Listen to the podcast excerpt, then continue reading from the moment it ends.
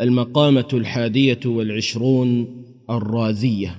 حكى الحارث بن همام قال عنيت مذ أحكمت تدبيري وعرفت قبيلي من دبيري بأن أصغي إلى العظات وألغي الكلم المحفظات. لأتحلى بمحاسن الأخلاق وأتخلى مما يسم بالإخلاق. وما زلت آخذ نفسي بهذا الأدب وأخمد به جمرة الغضب حتى صار التطبع فيه طباعا والتكلف له هوى مطاعا. فلما حللت بالري وقد حللت حبى الغي وعرفت الحي من اللي رأيت بها ذات بكرة زمرة في إثر زمرة وهم منتشرون انتشار الجراد.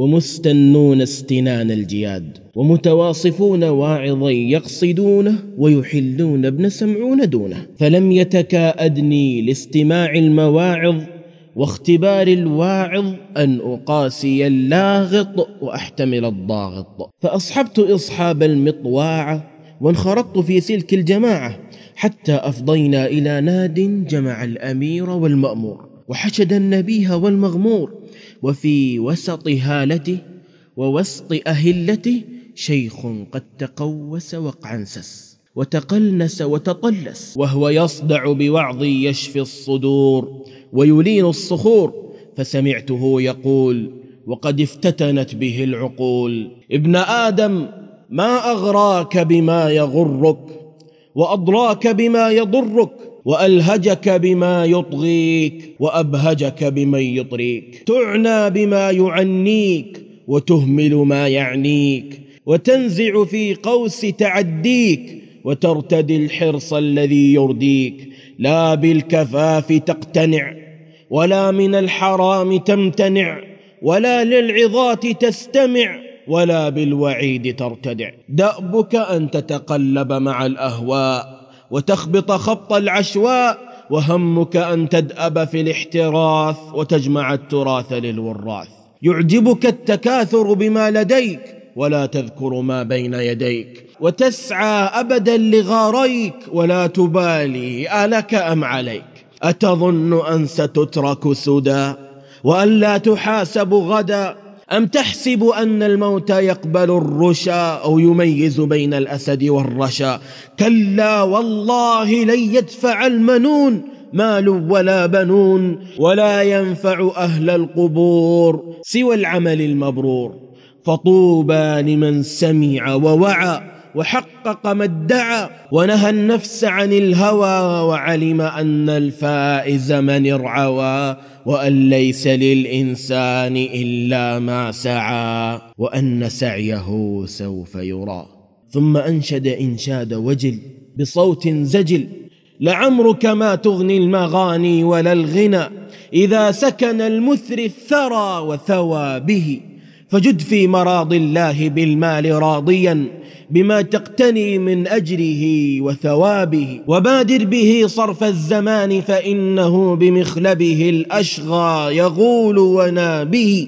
ولا تأمن الدهر الخؤون ومكره فكم خامل أخنى عليه ونابه.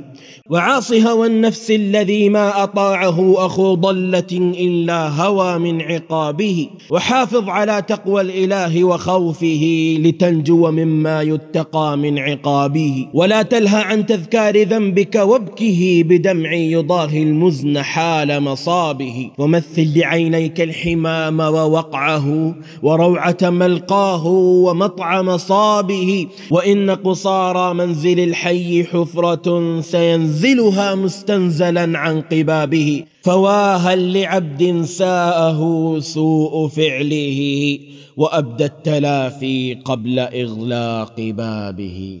قال فظل القوم بين عبرة يذرونها وتوبة يظهرونها حتى كادت الشمس تزول والفريضة تعول. فلما خشعت الأصوات والتأم الإنصات واستكنت العبرات والعبارات استصرخ مستصرخ بالأمير الحاضر وجعل يجأر إليه من عامله الجائر والأمير صاغ إلى خصمه لاه عن كشف ظلمه. فلما يئس من روحه استنهض الواعظ لنصحه فنهض نهضة الشمير وأنشد معرضا بالأمير عجبا لراج أن ينال ولاية. حتى إذا ما نال بغيته بغى. يسدي ويلحم في المظالم والغا في وردها طورا وطورا مولغا. ما ان يبالي حين يتبع الهوى فيها أأصلح دينه أم أوتغى؟ يا ويحه لو كان يوقن أنه ما حالة إلا تحول لما طغى. أو لو تبين ما ندامة من صغى سمعا إلى إفك الوشاة لما صغى. فانقد لمن أضحى الزمام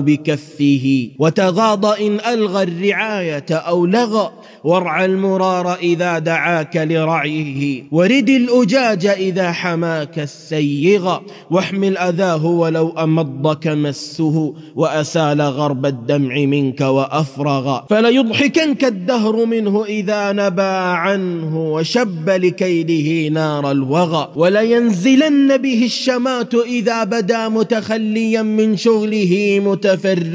ولتأوين له إذا ما خده أضحى على ترب الهوان ممرغا. هذا ولسوف يوقف موقفا فيه يرى رب الفصاحة ألثغا ولا يحشرن أذل من فقع الفلا. ويحاسبن على النقيصة والشغى ويؤاخذن بما اجتنى وبما اجتبى. ويطالبن بما احتسى وبما ارتغى. ويناقشن على الدقائق مثل ما قد كان يصنع بالورى بل أبلغ حتى يعض على الولاية كفه ويود لو لم يبغ منها ما بغى.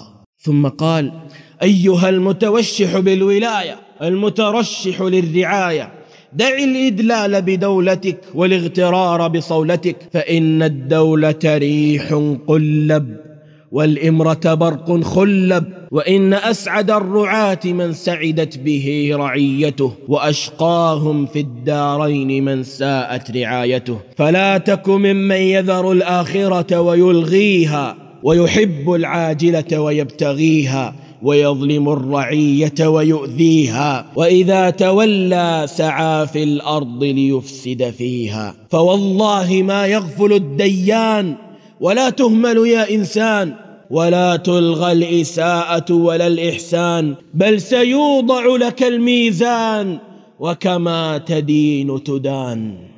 قال فوجم الوالي لما سمع وامتقع لونه وانتقع وجعل يتأفف من الإمرة ويردف الزفرة بالزفرة ثم عمد إلى الشاكي فأشكاه وإلى المشكو منه فأشجاه. وألطف الواعظ وحباه واستدعى منه أن يغشاه فانقلب عنه المظلوم منصورا والظالم محصورا وبرز الواعظ يتهادى بين رفقته ويتباهى بفوز صفقته واعتقبته أخطو متقاصرا وأريه لمحا باصرا فلما استشف ما أخفيه وفطن لتقلب طرفي فيه قال خير دليليك من أرشد ثم اقترب مني وأنشد أنا الذي تعرفه يا حارث.